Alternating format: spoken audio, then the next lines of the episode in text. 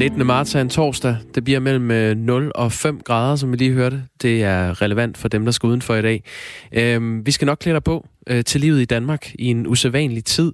Frem til klokken 9 sender vi Radio 4 morgen, som vi gør alle ugens øh, hverdage. Jeg hedder Jakob Grosen. Jeg hedder Kasper Harbo. Godmorgen. Godmorgen. Her i første time, der skal vi blandt andet se på falske nyheder. De øh, cirkulerer som vira øh, især på internettet, i stort tal i en tid, hvor alle søger information, og alle vil gerne vide det sidste nye om det her virus, der har forandret verden. Ja, langt de fleste danskere var øh, allerede trygt hjemme i Danmark for over en uge siden, inden Mette Frederiksens famøse pressemøde i, i onsdags, og inden Udenrigsministeriet bad alle om at komme hjem. Europaparlamentet det er midlertidigt lukket øh, i den her uge, men der er stadig få danske politikere tilbage i øh, Bruxelles. Og en af dem, det er konservative Pernille Weiss, som lige nu er i Bruxelles som en af de sidste danskere dernede. Og hun har endda coronalignende symptomer. Oh, du øh, ja, vi skal tale med hende om, hvorfor hun er der, og hvordan det her belgiske udgangsforbud, som blev indført i Belgien, og som kunne være en model, der kom til Danmark på et tidspunkt, hvordan det fungerer. Efter samtalen med Pernille Weiss, så hæver vi de øh, breaking-niveauet, for det lykkedes at finde en branche, hvor hverdagen ligner sig selv. Åh, oh, for dejligt. det er landbruget. Øhm, der skal godt nok være lidt længere mellem de mennesker, der arbejder i landbruget, men bortset fra det, går livet faktisk videre. Og der kan man jo sige, at det er meget heldigt i en tid, hvor forsyningskæderne måske også er ved at blive sårbare, så er det jo vigtigt, at nogen fylder vores mælkekartoner op.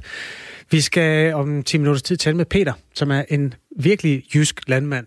Jeg lærte ham at kende, dengang jeg var radiovært på den radiokanal, der hedder P4. Vi lavede en strive programmer sammen. Ja. Under titlen Kasper og gennemsnitsdanskeren. Det er sådan set, fordi Peter var på det tidspunkt gennemsnitsdanskeren. Altså på hvilke parametre?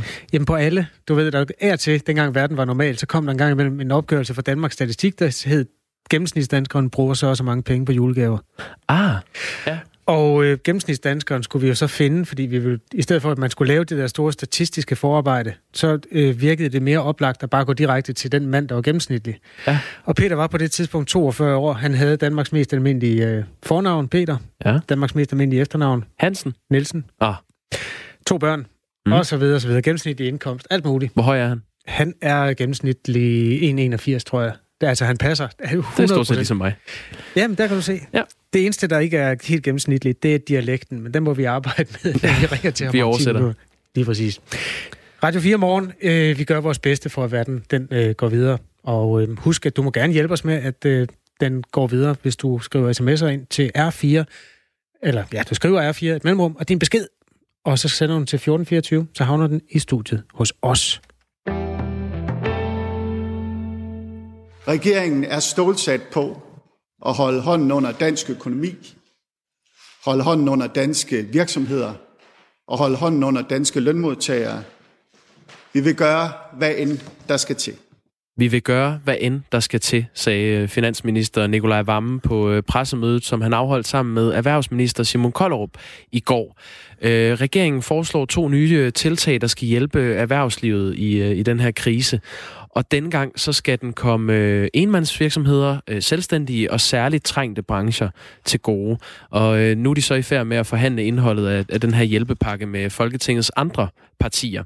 Det som øh, regeringens to ministre fremlagde i går, det var, at virksomheder skal kunne kompenseres af staten for faste udgifter. Det kan være øh, husleje, for eksempel.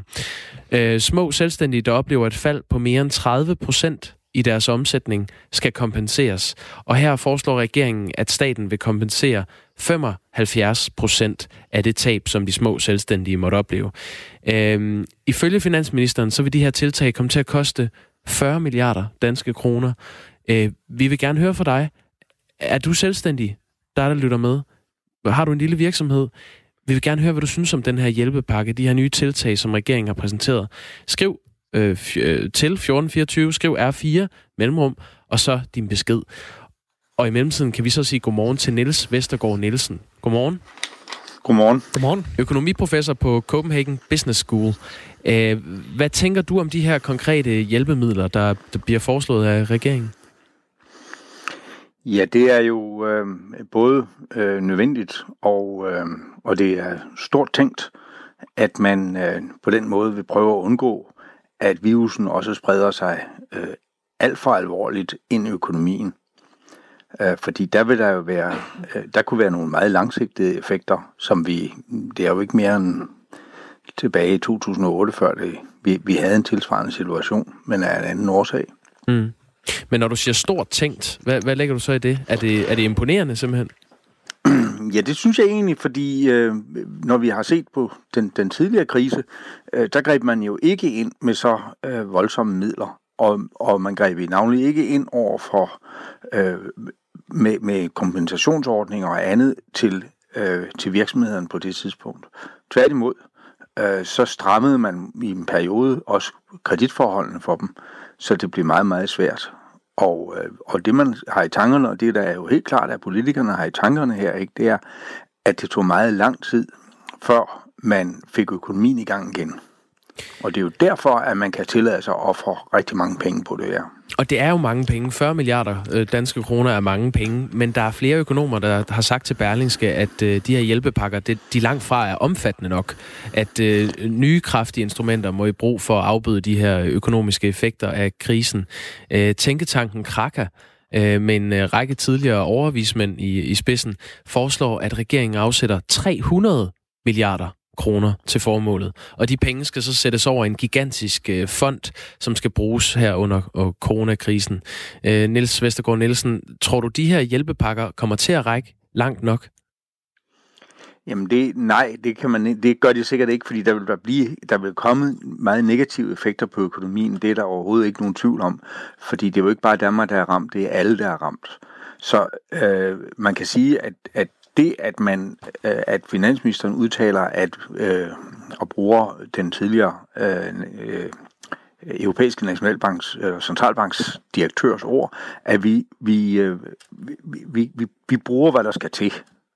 Øh, det er jo for at gøre folk rolige. Og, øh, og det er jo også derfor, man kan sige, at man skulle så sætte et meget, meget stort beløb af. For øh, det er for at, at sige til folk, det her, vi er godt klar over, at det her det bliver dyrt. Øh, men vi, vi vil gøre med statskassen, hvad vi kan. Og øh, det er et fantastisk godt budskab for dansk erhvervsliv. Men når Tænketanken Krak er så ude og sige, at, at 40 milliarder, det, det er ikke nok. Altså, vi skal op på 300 milliarder øh, kroner. Hvad tænker du så om det? Er det overhovedet realistisk? Ja, det er realistisk. Øh, hvis der, der er jo ikke nogen andre end staten, der kan kaste så store beløb ind i at øh, øge den samlede efterspørgsel i Danmark. Og øh, det kan staten, fordi staten har adgang til i sidste ende til også at finansiere det. Øh, det er jo, der er jo ingen, og det er jo det, man skal holde op mod, at der er jo ikke nogen af de øh, små og mindre erhvervsdrivende, som der er så mange af i Danmark, øh, som i alle andre lande, som vil være i stand til at tage lån øh, i tilsvarende omfang. Det, det kan systemet ikke klare, det vil bankerne ikke kunne klare, det vil det her, det er den, den største långiver, der går ud og siger, og den største låntager, vi har i samfundet, der går ud og siger, det her, det klarer vi. Og det er, det er et stort tanke. Det er stort set, og det er godt gjort. Lad os lige prøve at se på de to tiltag, som, øh, som så skal hjælpe erhvervslivet, som det ser ud lige nu. Altså, virksomheder skal kunne kompenseres af staten for faste udgifter, øh, som for eksempel husleje. Der skal staten kunne dække mellem 25 og 80 procent af det. Og så er der så de små selvstændige. Hvis de oplever et fald på mere end 30 procent i deres omsætning, så skal de have mulighed for at blive kompenseret. Og her foreslår regeringen så, at staten vil kompensere 75 procent af den manglende omsætning, og det gælder for virksomheder med op til 10 ansatte. Øh, hvorfor er det i hele taget en god idé, at, at man holder hånden under de, de små virksomheder med op til 10 øh, ansatte? Ja, man kan sige, at det er en god idé at holde hånden under virksomhederne, og, øh, og så må man lave nogle ordninger, som, hvor man tager øh, nogle størrelsesgrupper ud, øh, og 0-10 ansatte, det er der, hvor der er flest virksomheder. Der er ikke flest ansatte, men der er flest virksomheder. Men vi må huske på, at de store virksomheder, de fik jo en, en, øh, en mulighed for at sende folk hjem, øh, og, øh, og fik tilskud forleden dag til at og, øh, at beholde dem på øh, og give dem løn, men måske til en nedsat løn, men dog sådan, at de får løn, når de er hjemsendt. Mm. Hvis de ikke fyrer. Øh, og så, så det her, det er jo øh, ligesom at sige, jamen vi skal også gøre noget for dem, som øh, hvor, hvor øh, der ikke er mange ansatte, og hvor øh, ejeren og lederen af virksomheden øh, selv er med i virksomheden i høj grad. Og, øh, og derfor så er det, skal vi jo gøre noget for at støtte ham og hans virksomhed. For det, der er hele humlen i alt det her, er, at den virksomhed, der er gået ned, og der er stoppet, og er gået konkurs, den er meget, meget svær at genoprette. Og det var det, vi så sidste gang. At det er meget svært at få noget i gang, når det først er gået i stå. Ja, det er jo... Og det er jo det, man vil undgå den her gang, helt klart. Og det, det giver jo god mening. Altså, man har jo set uh, virksomhedslukninger i stor stil uh, i, tidligere, der i 2008, da finanskrisen uh, ramte. Altså, hvordan står vi lige nu i forhold til den finanskrise, vi havde for, for 12 år siden? Ja, det er jo ikke godt at vide, men, men man kan sige, at uh, fordi vi ved ikke, hvor længe det her det kommer til at vare. Uh, og, det, og det er jo også den usikre ting uh, i, i, uh, i, i den regning, der så skal betales. Hvor længe var det? Men øh, øh, jeg, jeg er ikke i stand til at sætte øh, tal på, om vi er, hvor vi er i forhold til den. Men det, det er også klart, at den var også en international krise. Og det, og det er jo der, at der ligesom kommer en boomerang-effekt ved, at alle de andre lande, vores markeder og vores leverandører også er ramt. Så det, det forløb er det svært at sige, men, men øh, øh, det, det, vi, vi er jo mindst på det samme niveau. Og indtil videre, så er det altså et flot tiltag fra regeringen. Ja, det Men, vil jeg mene, det er. Det sagde Niels Vestergaard Nielsen, økonomiprofessor ved øh, Copenhagen Business School. Tak for det. Ja, velbekomme. Klokken er 16 minutter over 6 i Danmark. Det er den 19. marts, og rigtig mange erhverv er altså enten lukket ned eller droslet ned for at undgå spredningen af coronavirus. Men landbruget, det fortsætter nogenlunde upåvirket faktisk af den her verdensomspændende sygdom. Nu har vi... Øh... Øj, kunne du høre køerne i baggrunden der? Nej, det er godt. vi har ringet til mælkeproducent Peter Nielsen, der har 300 røde mælkekøer på sin gård i nærheden af Lykstør i Himmerland. Godmorgen, Peter. Ja, godmorgen, Kasper. Og må jeg introducere Jakob Grosen, som sidder ved siden af mig? Ja, tak. Godmorgen. Dag, Peter. Øh, Peter Nielsen, hvad gør du som mælkeproducent for at undgå at sprede smitte? Jamen, øh, grundlæggende, så, så gør vi herude på, på landbruget øh, faktisk det samme, som alle mulige andre gør. Vi sørger for at holde afstand til øh, vores medarbejdere og vores øh, leverandører, der kommer med foder og mineraler, og, og, og dem, der kommer og hjælper os, vores servicepersonale. Altså ikke stå og give hånd, og ikke, og, ikke røre ved dem og holde afstand, så det ikke lige stå og huske dem lige ind i hovedet, som, som nu er en skide dårlig idé. Hvad med, altså, skal køerne sprittes af, når I har rørt ved dem, eller hvordan foregår det? Nej, vi, vi er simpelthen i den heldige situation. Det er jo, jo helt meget. Altså dyrene, køerne og, og kyllingerne og, og høns og gris, de kan ikke få coronavirus, og de smitter ikke igennem. Man kan ikke blive smittet igennem det, vi skal spise. Heldigvis. Det ville jo være helt forfærdeligt, hvis det var tilfældet. Så, så altså, køerne, dem håndterer vi fuldstændig på normal vis, som, som vi altid har, og jo. Altså, nu, det kan godt være, at det er et dumt spørgsmål, det her, men det er fordi, jeg spritter jo mit tastatur af, når jeg møder om morgenen, og det er fordi, der kan sidde øh, smitte med virus på tastaturet. Kan det ikke på samme måde, hvis du klapper din... Nu ved jeg ikke, hvor meget du klapper din køer, men hvis du klapper en af dem med en hånd med virus på, så kan den vel bære rundt på det? Jamen, det kan da godt ske, at det kan sidde på en kog, men altså i grunden, grundlæggende, øh, kogen er så stor, og herude i, i landbrug, der er så mange virus og bakterier og en flora. Så, så, så det er og, i, og rent praktisk, vi kan jo ikke, uh, vi kan jo ikke på, tage en kog og putte ind under en spritbruser. og så, så, så, så, altså, men altså, døren, døren kan ikke hverken øh, overføre eller, eller bringe smitte videre til mennesker. Så det er vores personlige kontakt, øh, menneske til menneske. Det er der, det er der, det er rigtig farligt. Tre af dine ansatte på gården er fra Østeuropa. Er det rigtigt talt op? Ja, det er fuldstændig rigtigt. Hvordan øh, håndterer de egentlig situationen, altså nu med lukkede grænser? Jamen, nu øh, jeg har en medhjælper fra Ungarn. Han, er, han går der her og, og, og, og tæller på hans fingre, for han har bestilt en flybillet her med den 16. april.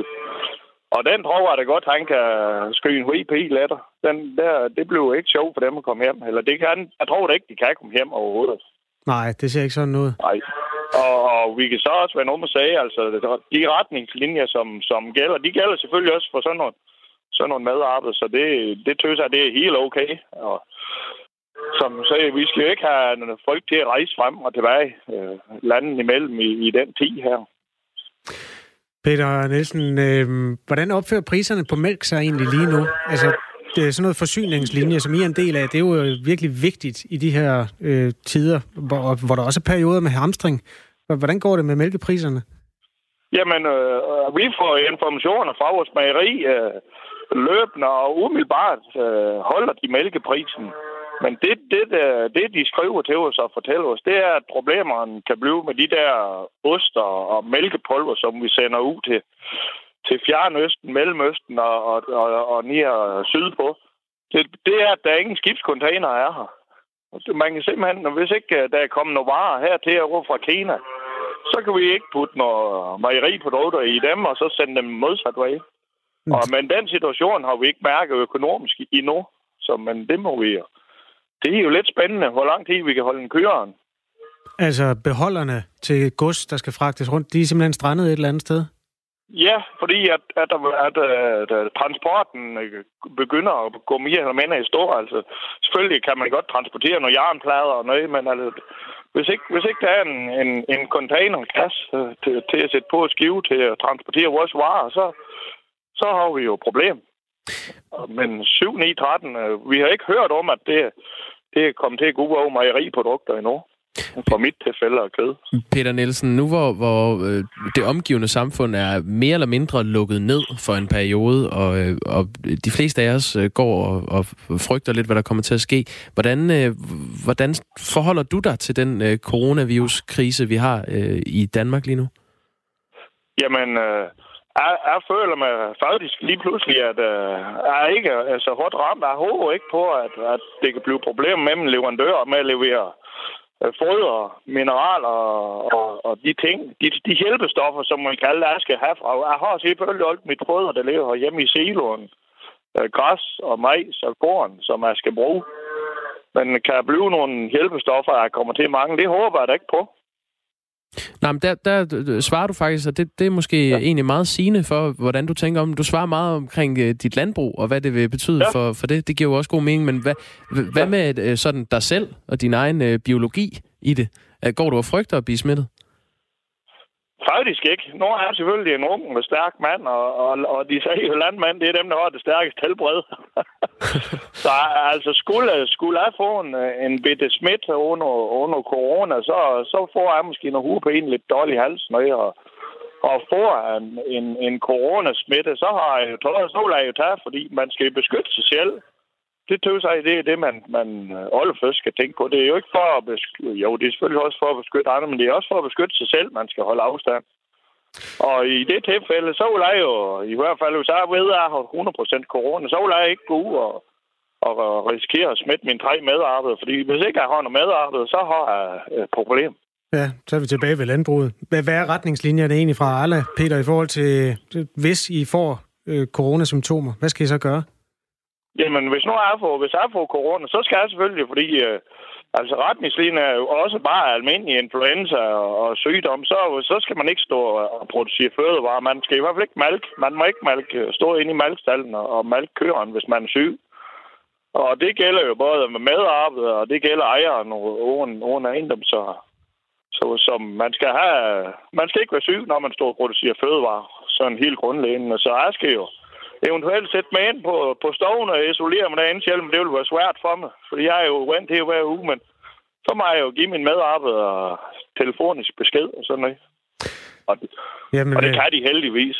Ja, må ikke. Jamen, øh, hold, ja. dig, hold dig rask, Peter Nielsen. Det kan du tro, jeg gør. Det er regnet med, og nu regner vi med, at der skal til at blive forår, så vi kan komme i marken. Vi skal have plantet markeren til her en gang, så, ja. så det er lidt en helt speciel situation, vi, vi står i. Det er noget af det mest livsbekræftende, i hvert fald at kylde ting i jorden, og så kommer der noget op. Det tror jeg, ja. de fleste, der har en have, kan nikke til. Peter, tak fordi vi måtte ringe til dig. Det kan være, vi vender tilbage. Jo, tak. Tak, lige måde. Det er den. Ja. Hej. Well. Hej. Ja, 6.24 er klokken. Altså på en dag, hvor vi fik tjekket ind i en branche, der faktisk ligner sig selv. Det var der også noget rart i. Det var rart. Lad os springe fra Himmerland til øh, Bruxelles, hvor øh, Europaparlamentet står tomt i den her uge. Stort set i hvert fald. De fleste danske politikere, de er taget hjem. Undtagen dig, Pernille Weiss, medlem af øh, Europaparlamentet for De Konservative. Godmorgen. Ja, godmorgen. Hvorfor tog du ikke hjem sammen med alle de andre for over en uge siden? Jamen det var fordi, jeg forudså, at øh, det ville blive rigtig svært øh, at rejse frem og tilbage, og at øh, det formentlig øh, ville betyde, at jeg kunne sætte mig i en situation, hvor jeg placerede mig nærmest længst væk fra det arbejde, som vælgerne har givet mig ved at stemme på mig.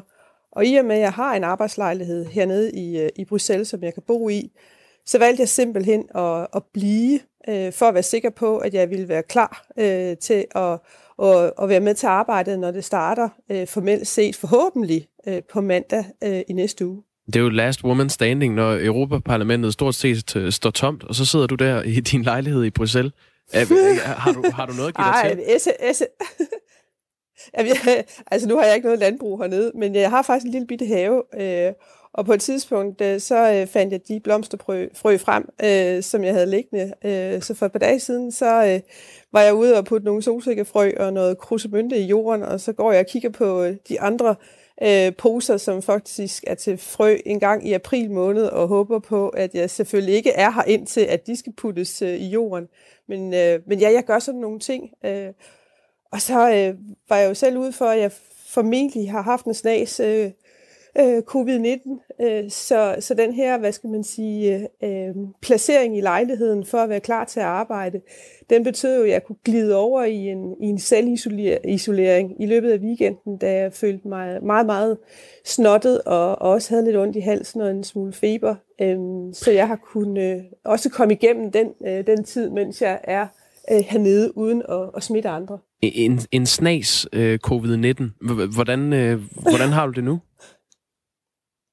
Jamen, jeg har det godt. Altså, øh, i går øh, formiddags, der kunne jeg konstatere, nu er jeg jo også gammel sygeplejerske, at øh, jeg har ikke flere symptomer. Så nu går jeg og tæller ned øh, af de her 48 timer, som man skal være symptomfri, før man må få lov til at gå ud og i øvrigt opføre sig sådan, som, øh, som alle andre, der går ud, også skal gøre det med afstand og håndvask og kun i, i de ærner, der handler om at få, få købt ind og så ellers øh, tage tilbage i sin bolig. Ja, lige præcis. Det skal du nemlig passe på med at gå ud, for der er jo øh, trådt et øh, udgangsforbud i kraft i går. Øh, for en uge siden, der var, var Belgien bagud, hvis man skal se det sådan i forhold til Danmark. Men nu er mm. Belgien foran, forstået på den måde, at, at øh, caféerne er lukket, øh, og det skete inden vi gjorde det her i Danmark. Og nu har man så også øh, vedtaget det her udgangsforbud.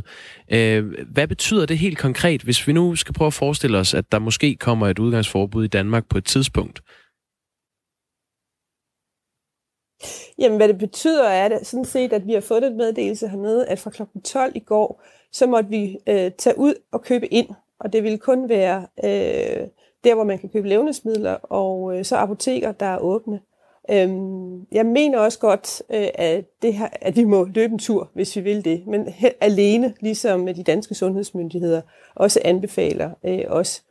Øhm, men ellers så betyder det selvfølgelig, at, at gaderne er øde. Øh, der er kun mennesker, der går fra A til B, og man stopper ikke op og snakker med hinanden, øh, har jeg konstateret fra min øh, balkon øh, øh, når jeg har kigget ud øh, på den. Vi har en, øh, en tradition åbenbart hernede i, øh, i Bruxelles, som er meget gammel, men den er blevet genoplevet øh, igen, nemlig at man øh, går ud på sin altan eller balkon, eller åbner sit vindue kl. 8 hver aften, og så klapper man højlydt øh, i nogle minu- minutter, for på den måde at sende hilsen til alle de mennesker, der arbejder i sundhedsvæsenet, og kæmper øh, for de mennesker, der er, er blevet syge. Og, øh, og det gjorde vi i går aftes i min gade, og vi var sådan 5-10 stykker, der gjorde det sådan ikke så kraftigt. Jeg tror, vi lurede lidt af på hinanden for at finde ud af, er det nu, vi gør det? Så jeg tror, i, i aften, når vi gør det igen, så bliver det lidt højere. Det var da en fin tradition. Det er jo faktisk sådan, at man skal være ja, mindst tre til at lave en klapsalve. Det, det kan man uh, prøve af nu, når man sidder ude i, i de små hjem. Det, det er en, en gammel tese. Øhm, i øh, Pernille Weiss, i øh, Europaparlamentet, der øh, er man jo ved at finde ud af, hvordan man kan tage beslutninger fra, fra næste uge. Hvordan tror du, det kommer til at fungere? Jeg håber, det øh, som minimum kommer til at betyde, at vi får øh, gennemført øh, den nødvendige plenar, som det hedder, altså når parlamentet samles og, og stemmer om, om, øh, om lovgivning. Ja, vi er jo medlovgiver, øh, sammen med, med øh, det europæiske råd. Øh, og der kan ikke laves noget øh, lovgivning, der kan ikke øh, sendes den her store hjælpepakke på 37 milliarder euro ud til, øh, til Europas små og mellemstore virksomheder, hvis ikke parlamentet finder sammen og stemmer for det. Øhm, så det håber jeg kommer til at ske, øh, og jeg har så brugt min, min tid her i isolation øh, på at prøve at finde ud af, øh, er der noget, der forhindrer os i det, øh, sådan rent formelt, fordi der har været alle mulige forskellige rygter om, øh, om vi overhovedet kom i gang på den her side, Sankt Hans og så videre, øh, fordi vi har fået, synes jeg, meget, meget dårlig information om udsigten til, hvornår vi skulle tilbage og passe vores arbejde. Vi blev jo øh, for nu 12 13-14 dages tid siden, faktisk sendt hjem i denne her kalenderuge, som om, at vi var taget på ferie. Øhm, og, og, og det betyder selvfølgelig, at der er, er et ret øh, parlamentarikertomt øh, Bruxelles, og, og derfor er det helt på sin plads at spørge, hvor mange er vi tilbage, og kan vi overhovedet gennemføre noget som helst? Men det kan vi, øh, og, øh, og det håber jeg selvfølgelig kommer til at ske. Det er ikke meldt ud endnu, at øh, vi har den her besluttende plenarsamling, øh, i næste uge.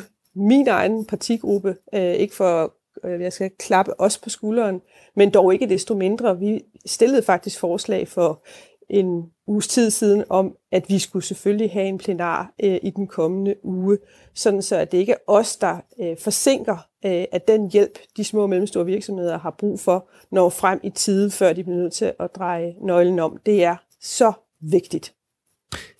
Det sagde Pernille Weiss, medlem af Europaparlamentet for øh, de konservative, med os fra Bruxelles. Øh, tak for det, Pernille Weiss. Velbekomme.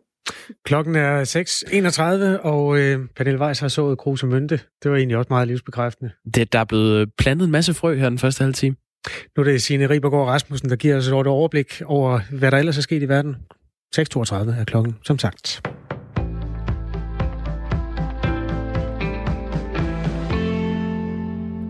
Australske forskere hævder, at to slags HIV-medicin, der blandes med malariamidlet klorokin, dræber coronavirus ret effektivt.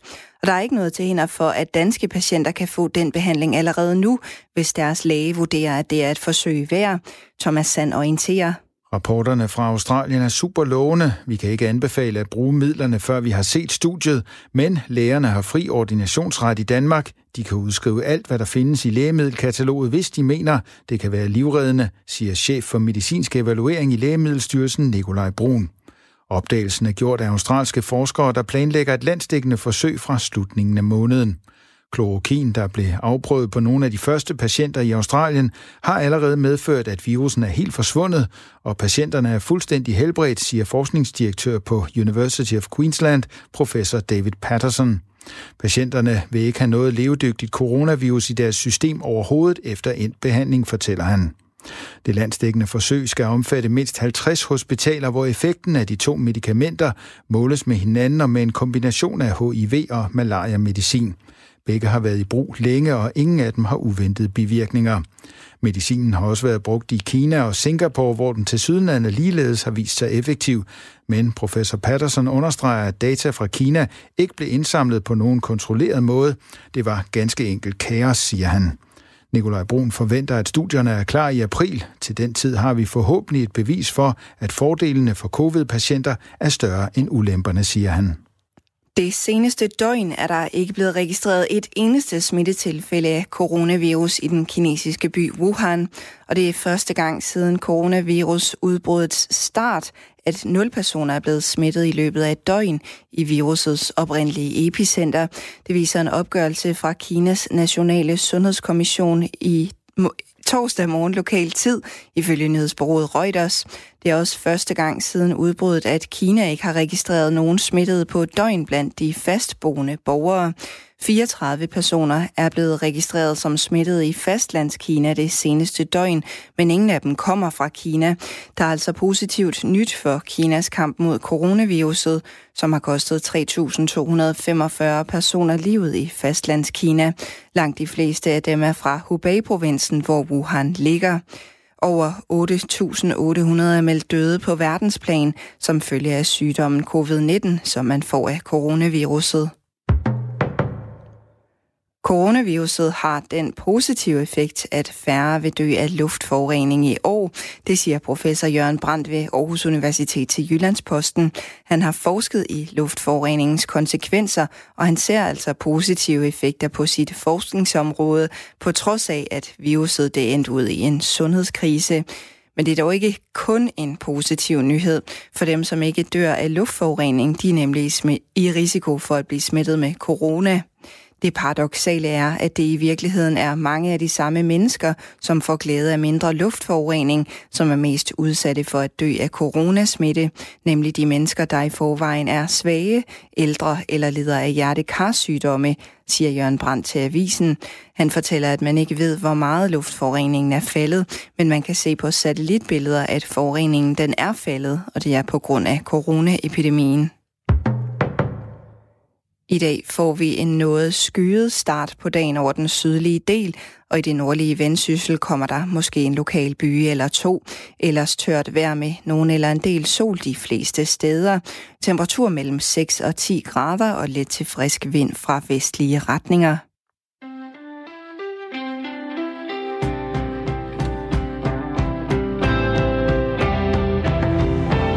Det er Sine Ribergaard, der står for nyhederne denne morgen. Øh, det er torsdag. Det er den 19. marts, og øh, Kasper Harbo og Jakob Grosen beværter dette studie.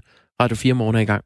Og du må gerne være med til at lave radioprogrammet. Hvis du vil, så skriver du sms'en. Øh, du sender den til 1424, og inden der har du selvfølgelig skrevet en tekst, hvor du står R4 og et mellemrum og din besked. Noget af det, der er... Øh, gode ved at møde ind om morgenen, det er, at man kan læse dem, der er kommet i nattens løb. Der er blandt andet en, der har en teori om, at uh, tegnsprogstolken uh, snart kommer til at smitte nogle af politikerne. Ja, uddyber vedkommende. Hvorfor Jamen, vedkommende tænker det? De står så tæt. Læg mærke til, at tolken står til alle møderne lige op i hovedet på uh, det, og hun fægter med armene, så det er kun et spørgsmål om tid, hvornår hun rammer en af dem. Vi skal holde afstand. Og det er jo rigtigt nok, hvis tegnsprogstolken først får øh, corona, så ryger den jo hele vejen op i samfundstoppen. Det er sandt, men jeg synes, de gør det fremragende, de der øh, tegnsprogstolke i ja, baggrunden. Jeg, jeg så øh, på Twitter, så jeg en video af, hvordan øh, man siger hamstring på øh, tegnsprog. Det må du gerne lige vise. Okay, nu viser det dårligt radio, så må du beskrive, hvad jeg gør. Det kan du tro. Jakob tager sine hænder og krasser på sådan en lidt øh, katteagtig måde. Nej, det er et hamster. okay, nå ja, det er det selvfølgelig. Det er sådan, man siger hamstring. Altså, Udmærket. Altså, ja. Så er alle klædt på til at gå ud i samfundet, hvis de mister stemmen og sige hamstring alligevel. Du skal simpelthen bare kratte med hænderne. Ja, og så lave kors stop hamstring. Klokken er 7, nej, det er den ikke, 6.37, og du lytter til Radio 4 morgen med Grosen og Harbo. De øh, falske nyheder cirkulerer i øjeblikket på internettet. Der er konspirationsteorier, der vokser frem i kølvandet på coronavirus. Blandt andet, at øh, ja, virus er jo bare et biologisk våben, som nogen har udviklet. Der er også øh, teorien om, at Bill Gates har noget med det at gøre, fordi der i den sidste ende er store kommersielle interesser omkring den der vaccine, som alle gerne vil have fat i lige nu. Det er falsk hele måde, men det flyder. Og øh, man skal passe på fake news og misinformation, lyder en advarsel fra EU-kommissionen i øjeblikket. Uh, nu skal vi hilse på Thomas Albrechtsen, der er partner i et konsulentbyrå, der hedder Common Consult Consultancy. Undskyld. Godmorgen, Thomas. Godmorgen. Godmorgen. Du arbejder med at analysere det her og skille skidt fra kanel. Hvad er det for nogle konspirationsteorier, du har lagt mærke til i øjeblikket? Jamen, der er rigtig mange forskellige uh, typer, uh, der er rigtig mange forskellige slags konspirationsteorier. Men vi kan se det ligesom, vi har tre forskellige typer. Den ene er øh, sådan nogle clickbait-agtige titler, som forsøger, hvor folk forsøger at få logget folk ind på deres hjemmeside ved at beskrive en eller anden relativt øh, vanvittig idé, for eksempel at det skulle være Bill Gates, som har opfundet det, eller det i virkeligheden er udviklet i et, øh, i et laboratorie øh, og spredt med vilje. Øh, så den anden ting, vi kan se, det er, at øh, der er ligesom sådan en begyndende digital krig på de sociale medier, kan man sige, mellem nogle af stormagterne, øh, som forsøger både at skyde skylden på hinanden, men også sprede falske rygter og, om hinanden øh, på, på de sociale medier. Men det rigtig store problem, øh, vi kan se, det er jo stadigvæk, at, øh, at der er rigtig mange almindelige mennesker, der spreder øh, forkerte råd og tips og vejledning til, hvordan man skal forholde sig til coronavirus. Øh, og det er også derfor, at de sociale medier har rigtig svært ved at forsøge at stoppe det. Jeg så blandt andet, at øh, C-vitamin, spis massevis af C-vitamin, helst et helt glas. Altså den type historier. Er, er det fake? Ja, altså nu er jeg ikke øh, læge, men, men det, at C-vitamin skulle øh, kunne øh, kurere øh, coronavirus, er i hvert fald tilbagevist øh, mange gange, øh, også af, af sundhedsfagligt personale. Ikke? Men det, den med C-vitamin er ligesom sådan en, en klassiker, vi har set øh, florere rigtig meget, rigtig mange steder. Nu nævnte du selv de internationale spændinger, for eksempel at, øh, ja, med, du ud for det larmer bagved dig. Er, er det en hund? Nej, det er det ikke. Jeg kan prøve at stille på et gulv, der måske knirker. Ja, jeg tror, det er det. Øhm, der, der, der er altså nyheder om, hvad skal man sige, hvor, hvor lande beskylder hinanden for at stå bag øh, både en uansvarlig omgang med coronavirus, og i den sidste ende også at have opfundet den. Hvorfor bliver der spredt falske historier om coronavirus lige præcis nu, og også i, i, i det der internationale spil? Jamen, der er en kæmpe stor, øh, der er kæmpe store nationale interesser i at sørge for, at, øh, at nogle af de måske mere totalitære regimer øh, ikke selv øh, står med skylden. Altså, øh, at man kan forsøge at, at bevise, at det i virkeligheden er nogle andre. Øh, men, men det, som er det nye, kan man sige, det er særligt, at EU's udenrigstjeneste er kommet med en advarsel om, at at jo, særligt Rusland er i gang med at sprede øh, falske nyheder omkring det her, for simpelthen at, at skabe frygt og panik forskellige steder i de europæiske lande. Hvorfor er det en strategi fra russisk side at sprede frygt og panik? Der er rigeligt af det i forvejen. Ja, altså øh, det, det, det vi ved, det er, at, øh, at Ruslands øh, desinformationsstrategi tidligt, tit går ud på bare i virkeligheden at skabe usikkerhed og, og mistillid til myndigheder og autoriteter. Øh, og det vil sige, at man går måske ikke ind og, og finder på nye ting, øh, nye misinformationshistorier, men man går ind og forsøger at, øh, at hælde lidt benzin på bålet på, på de usikkerheder, de, øh, den, den frygt, som, som findes i forvejen. Du har sagt til Dagbladet Information, det er uden historisk fortilfælde, at de sociale medier har gjort så meget for at stanse misinformation. Hvad er det, der bliver gjort? Jamen, hvis man kigger på sine sociale medier, også hvis man kigger på Google for eksempel, så vil man opdage, at, øh, at, øh, vores øh, digitale medier i virkeligheden ser anderledes ud for tiden. Og det er et bevis på, at de sociale medier og teknologivirksomhederne gør ret meget for at forsøge at stoppe det her. Hvis man googler coronavirus, så kommer der sådan en rød beredskabsboks op. Øh, I dag øh, begynder Facebook faktisk også at udrulle ændringer i deres newsfeed. De starter ikke i Danmark, men i, i nogle af de andre store lande øh, med, at, øh, med at forsøge at sikre, at folk får øh, den rigtige information. Så på den måde øh, forsøger de at gøre rigtig meget. Det er bare stadigvæk svært, når det også er almindelige mennesker, som, som spreder det. Jeg så en mand, nu bliver det meget detaljeret, men jeg så en mand, der havde skrevet i går på Facebook, at han havde delt en artikel om Trump, som han ikke brød sig om, og så, altså, øh, Trump brød han sig ikke om, og så en meget kritisk citat, som også ledsagede den der artikel, og han sagde, at den havde været væk fra hans feed i en periode, eller ikke fra hans feed, men fra hans væg, hvor han havde lagt den op. Det var så vist nok vendt tilbage. Men er det den slags, der foregår i øjeblikket, at Facebook sidder og, og fjerner, øh, simpelthen, eller deaktiverer nogle af de links, der bliver smidt op? Ja, det kan man sige. Det er det faktisk i virkeligheden, øh, det der foregår. Det siger jo noget om, hvad for en magt øh, de sociale medier har. Øh, det, som skete også i går, har Facebook også selv fortalt, det er faktisk, at man har haft et problem med de kunstige intelligenser, man bruger til at fjerne det. Og det vil sige, at man er kommet til at fjerne noget forkert indhold. Og det siger jo lidt om, hvor, hvor præcise og dygtige de skal være for at ramme rigtigt i de her dage. I gamle dage, de pandemier, vi har prøvet tidligere, der har det måske været kirken eller kongen, som har kunnet udlægge, hvad der er sandheden om det. Øh, men i dag får vi altså øh, nyhederne fra sociale medier, og det giver dem en enorm magt og et kæmpe ansvar for at sørge for, at vi får den rigtige information. Der er lige kommet en sms ind til vores øh, radioprogram her, Thomas Albrechtsen. Der har jo cirkuleret en underlig falsk nyhed, som der bliver refereret til i den her sms. Hvad med fake-nyheden om, at maskerede mænd havde angrebet et sygehus? Den blev jo bragt i alle etablerede medier også, som lytteren skriver her. Er, er, er det noget af det, som er det i familie med det, vi taler om her? Altså, vi, vi, vi ved desværre, at der er en del nyheder, som, øh, som jo får spredt sig så hurtigt, at de faktisk også når at komme ud igennem de etablerede medier. Øh, der er også en stor øh, nyhed, som også var blandt andet spredt i The Guardian, mener jeg, om at ibuprofen kunne øh, kurere Øh, det, som man skal tænke over, det er øh, måske også lige i forhold til det med, med maskerede mænd.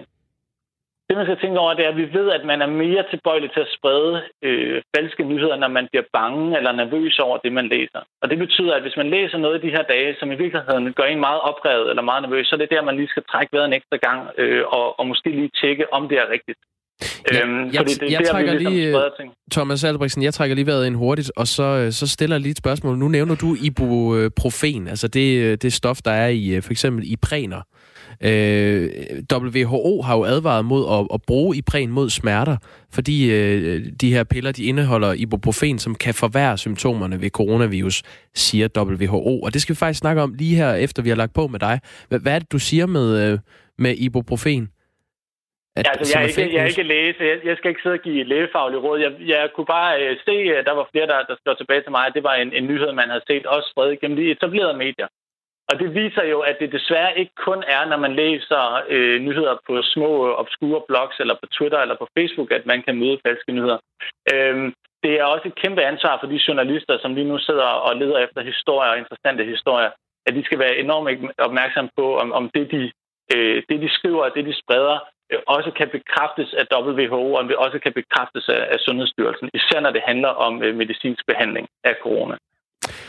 Det var altså en løftet pegefinger fra Thomas Albrechtsen. Øh, er der, er der kort råd til at se forskel på skidt og kanel, Thomas? En metode, som du selv bruger?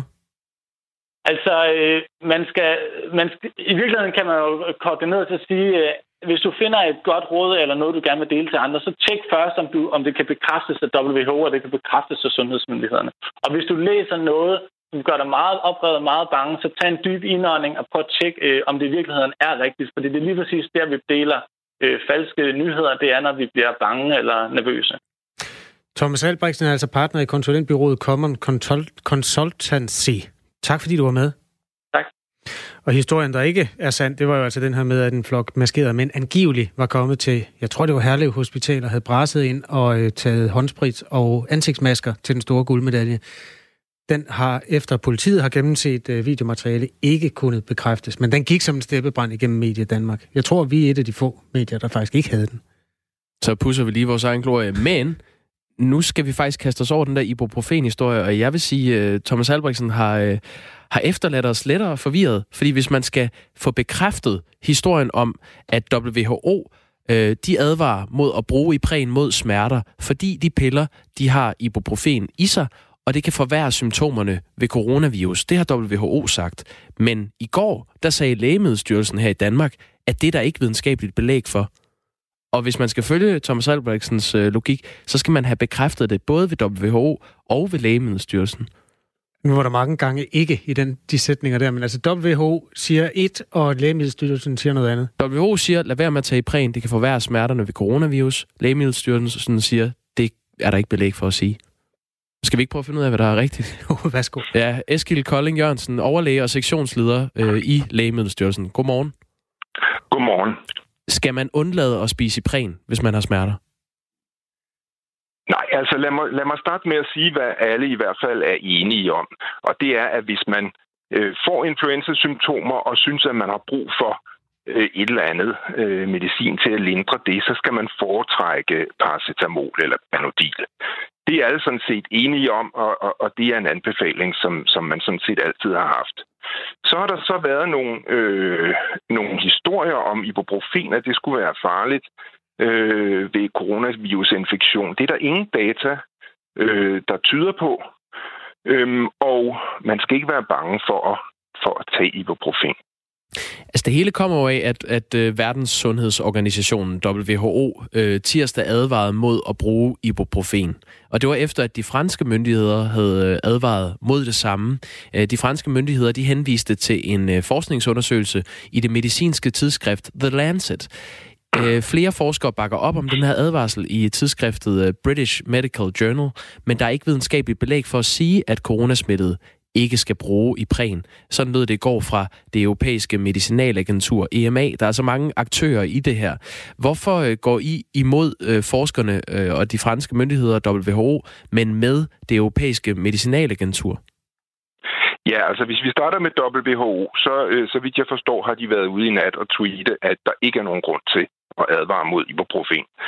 Så, så øh, det, det, det kan selvfølgelig godt bidrage til forvirringen. Men altså, det, det der står fast, det er, at der er ikke nogen data øh, på nuværende tidspunkt, i hvert fald, der bekræfter eller, eller understøtter, at ibuprofen skulle være farligt. Øh, man skal, hvis, man, hvis man vil tage noget medicin for at dæmpe influenza-symptomer, øh, så skal man foretrække paracetamol eller panodil. Det, det er der sådan set ikke noget nyt i. Men hvis man får ibuprofen øh, efter aftale med sin læge på grund af for eksempel en gigt gigtsygdom eller noget andet, Så er der ikke nogen grund til at være bekymret for det. Hvorfor er Panodil bedre end Ipren? Ja, altså, det er jo, de er jo for så vidt ligeværdige. Altså, hvis, hvis du tænker på at dæmpe øh, øh smerter eller, eller feber, ved, hvis man har influenza. Så de jo begge to øh, kan dæmpe smerter, og, og de kan også øh, dæmpe feber. Øh, så på den måde er de ligeværdige, men, men man må nok sige, at Panodil har lidt færre øh, bivirkninger, så, så øh, det er det, man generelt siger, at man skal foretrække Panodil eller paracetamol. Du er jo overlæge og sektionsleder i øh, Lægemiddelstyrelsen, og øh, I har skrevet i en pressemeddelelse, at I vil lave en lynanalyse af ibuprofen og coronavirus. Øh, er, det, er det noget, der er nødvendigt stadigvæk, efter WHO i nat har meldt ud, at, at det måske ikke hænger sådan sammen alligevel? Jamen, vi tager jo, vi, vi følger jo situationen øh, generelt, øh, og vi, vi øh, tager alting alvorligt og, og kigger ind i, hvad der rigtigt, og hvad der er forkert, og hvad der er belæg for. Og vi vil også gerne bidrage med at kigge på, på danske data øh, i samarbejde med universiteterne, og det vil vi øh, sætte i gang. Det er jo en idé, vi, vi har fået for nogle få dage siden, men det går vi i gang med og, og håber på, at vi ret hurtigt, altså ud fra en videnskabelig synsvinkel, er det meget hurtigt, at, at vi kan komme frem til, til noget. Og, og når du siger, at der ikke er videnskabeligt belæg for at sige det her med, at øh, ibuprofen, altså stoffet i, i præn, kan forværre symptomer ved coronavirus, øh, ved du så noget om det her øh, forskningsprojekt, som er, har, åbenbart har været øh, publiceret i øh, det medicinske tidsskrift The Lancet, som de franske myndigheder henviser til? Ja, altså det er jo, jeg tror, der er meget få, der rent faktisk har gjort sig den umage at klikke ind på, på den artikel, fordi øh, der er jo ikke tale om et studie. Der er tale om, at nogle forskere har en idé eller en hypotese. Det står også meget klart. Øh, og det er jo fint. Altså, det er jo sådan, videnskaben fungerer, at folk får idéer og deler dem med andre videnskabsfolk. Og, og, og det kan være vældig øh, frugtbart og givende at sige, jeg tror, at tingene hænger sammen på den her måde eller en anden måde, end man hidtil har tænkt. Men det er en mellemregning, og hvis den pludselig får enormt meget fokus og, og kommer bredt ud i offentligheden, så bliver folk jo forvirret, fordi øh, en hypotese eller en idé, det er jo noget, man har, og så skal man ud og finde data, der bekræfter eller afkræfter den hypotese. Det ligger jo meget fint i slipstrømmen, at det vi lige beskæftigede os med før, altså fake news, at man har en, man har en idé om, at øh, coronavirus, det er faktisk noget, der kommer fra Bill Gates, eller øh, det er noget, øh, USA har introduceret for at ramme Kina. Men så skal man måske lige undersøge det, og lige øh, kunne bakke det op med noget data. Og så må man gerne skrive nyheden. Er det det, vi kan tage med for det her? Ja, men altså, der er jo, altså, der er jo en rigtig, der er en masse mennesker, der er bekymrede i øjeblikket, og dermed får tingene måske en, en ekstra tand. Budskaber bliver forstærket, og måske i nogle tilfælde forvrænget. Og derfor forsøger vi også i myndighederne og i Lægemiddelstyrelsen at prøve at være meget opmærksom på, hvad man kan kalde misinformation, eller i hvert fald information, der ikke er, er fagligt underbygget. Og det, øh, det vil vi øh, være meget opmærksom på og forsøge at reagere hurtigt på, når det optræder. Så lad os lige en gang for alle få skåret ud i pap hvis man har coronavirus-symptomer, og man har feber, hvilket stof anbefaler I så i Lægemiddelstyrelsen, at man tager?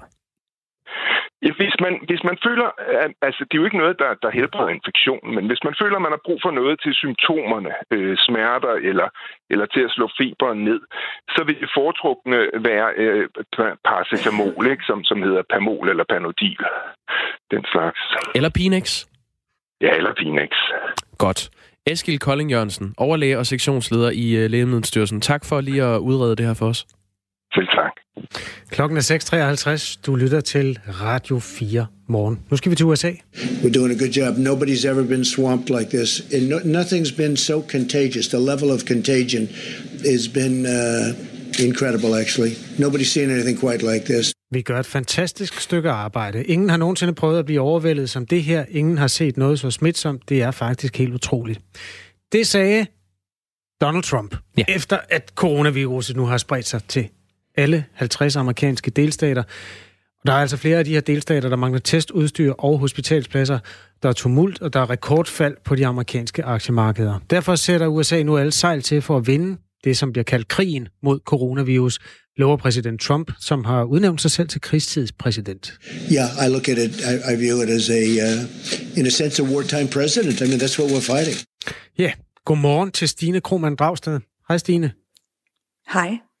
Stine Krohmann Dragsted er jo normalt morgenvært her på Radio 4, men er faktisk taget til USA for, ja, der er din familie, øh, og så kan du så også følge udviklingen for os her på radioen. Øhm, nu taler Trump så pludselig om en krise, han vil komme sejrigt ud af. Det er, er jo lidt en kovending i forhold til, at han ikke synes, det var så stort et problem for bare en uge siden. Kan du beskrive den øh, forvandling, der er sket inden for de sidste 3-4 dage? Ja, det er øh, lidt af en kovending, som du siger. Altså, øh, der er der er ligesom to grunde til, at vi ser det, den forvandling. Øh, vi skal huske på, at indtil i fredags, så øh, talte Trump jo om det her som et midlertidigt problem, der ville gå væk, at han havde allerede ligesom klaret det problem, fordi han havde været tidligt ude med at stoppe en indrejse fra Kina og siden fra Europa, øh, og der ikke var noget problem med den amerikanske økonomi. Og ved siden af det så vi jo også nogle af de medier, der i høj grad sådan bakker op om Trump, som for eksempel Fox News, sige, at det her var, øh, det her gik simpelthen ud på, det var politisk, når man kritiserede Trump, øh, og man talte om coronavirus. Nu har vi så set en præsident præsident i fredags, der gik ud og øh, sagde, nu har vi en nødsituation, øhm, og det er simpelthen fordi øh, Trump han, har, han er blevet overbevist efter, han har set en rapport øh, fra nogle britiske eksperter, der viser, at 2,2 millioner amerikanere vil dø, hvis mm. der ikke tages drastiske tiltag. Og så har han over weekenden mødtes med øh, en af værterne for Fox News, en af de få værter for det her, øh, hvad hedder det, tv-selskab, øh, Tucker Carlson, som har været lidt kritisk over for Trumps håndtering. Og den her vært har altså visket Trump i ørerne, nu må du simpelthen til at tage det her alvorligt, hvis du ikke skal miste, øh, tabe præsidentvalget i øh, november. Og det man så også kan sige, det er, at øh, Donald Trump er jo fuldstændig i samme båd som resten af verden, at man har øh, måske taget let på det her i starten, og tager pludselig, øh, ja, pludselig så går alvoren så op for en. Det er ikke kun i USA, at det har forholdt sig sådan. Hvad er det for nogle ting, han tager op af værktøjskassen nu for at få inddæmmet smitten og for at undgå, at 2,2 millioner amerikanere vil dø? Ja, altså der er flere tiltag. Øh, I går der lukkede, eller der sagde øh, både Trump øh, og også den kanadiske øh, premierminister øh, Justin Trudeau, at den lange grænse mellem USA og Kanada, den lukker for alt andet end nødvendige aktiviteter, altså varer og goder skal fortsætte med at komme over grænsen. Det er sådan cirka over Øh, 700 øh, milliarder dollars hvert år, der bliver handlet over den grænse, der går over den grænse af varegoder. Øhm, og så sætter Trump også ind med noget, der hedder The Defense Production Act. Den sætter han i kraft. Og det er en, øh, en hvad hedder det, lovgivning eller en, øh, en vedtagelse, der giver ham autoritet til simpelthen at sige til øh, private amerikanske virksomheder og industri, i skal producere det, som vi har brug for i den her krisetid. Altså for eksempel kan han gå ind nu og bestemme, at øh, virksomheder øh, skal øh, til at producere masker, respiratorer, beskyttelsesudstyr, øh, og at statens behov sådan at sige, skal komme først. Øh, så sagde Trump også, at han er meget håbefuld, at der kommer en vaccine snart. Han talte om et bestemt, øh, en, et bestemt vaccine, der blev arbejdet på over i USA, som på mm. rekordtid er begyndt på øh, forsøg med mennesker. Og så vil jeg lige sige til sidst, i natdansk tid, øh, der vedtog kongressen så den øh, første del af en hjælpepakke, øh, der skal gøre det gratis for amerikanere at blive testet for corona. Øh, og det er fordi, der er mange herover, der ikke har sundhedsforsikring. Det er stadigvæk ikke sådan, at man kan, altså, det er ikke sikkert, at man får betalt af, øh, for behandlingen, hvis man nu bliver syg med corona. Men man kan i hvert fald få gratis test. Øh, der er også nogle penge til dem, der bliver tvunget til sygefravær. Og så er der for eksempel hjælp til den amerikanske flysektor. Men en meget større hjælpepakke er på vej. Altså Trump forhandler med kongressen om en hjælpepakke på op til 1 billion dollars, ja. hvor man blandt andet vil betale borgerløn til amerikanerne. Øh, man taler om 7-14.000 kroner til amerikanerne, der skal betales. Stine Krohmann Dragsted, du kender jo konceptet her i Radio 4 morgen. Der er nyheder klokken 7, så jeg, og det er 7 dansk Oi. tid. Det er lige om lidt. Øh, der er halvandet minut. Kan du lige give os en indføring i den det sparsomme tid her, vi er tilbage på? Hvor, hvor galt har det ramt indtil videre i USA? Altså, hvad er tallene i forhold til, hvor mange der er døde, og hvad, hvad de ved om, hvor mange der er smittet? Ja, det ser faktisk ud som om, at lige præcis de sidste to dage er tallene virkelig steget drastisk. Vi er oppe på over 8.000, der er bekræftet smittet med corona. Der er et kæmpe mørketal her i USA. Der er 146 amerikanere nu, der er døde af sygdommen. Og de 46 af de dødsfald, de er faktisk rapporteret inden for det sidste døgn. Øhm, og det er jo blandt andet øh, en af de problemer, der har været, at det her med, at USA er et af de eneste lande, der ikke har ville bruge Verdenssundhedsorganisationens coronatest. Man har insisteret på at udvikle sin egen. Den fungerede ikke i starten. Nu siger vicepræsident Mike Pence så, at øh, manglen på, på de her øh, coronatest, at det er løst, at man er i gang med at producere tusindvis af dem hver dag, men vi har altså stadig delstater, der råber og skriger på, at de ikke har nok tests øh, til at øh, teste alle deres øh, øh, borgere. Øh, Trump han lover, at en hjemmetest snart vil være klar. Tak til dig, Stine Krohmann Dragsted. Hold dig rask. Det vil jeg gøre. Og det her med test, det er i virkeligheden omdrejningspunktet for et interview, vi skal i gang med på den anden side af nyhederne. Ja, for øh, to uger siden, der var der meget, mange, meget få, der vidste, hvad direktøren for Sundhedsstyrelsen hedder. Han hedder altså Søren Brostrøm, og han er med her på den anden side af nyhederne. Vi skal tale med ham om en øh, ny rapport fra det velrenommerede universitet Imperial College i London, som øh, viser, at øh, vi muligvis burde gå mere drastisk til værks i Danmark, og det er altså den rapport, som amerikanerne og britterne bygger deres øh, tiltag på nu. Du lytter til Radio 4 morgen.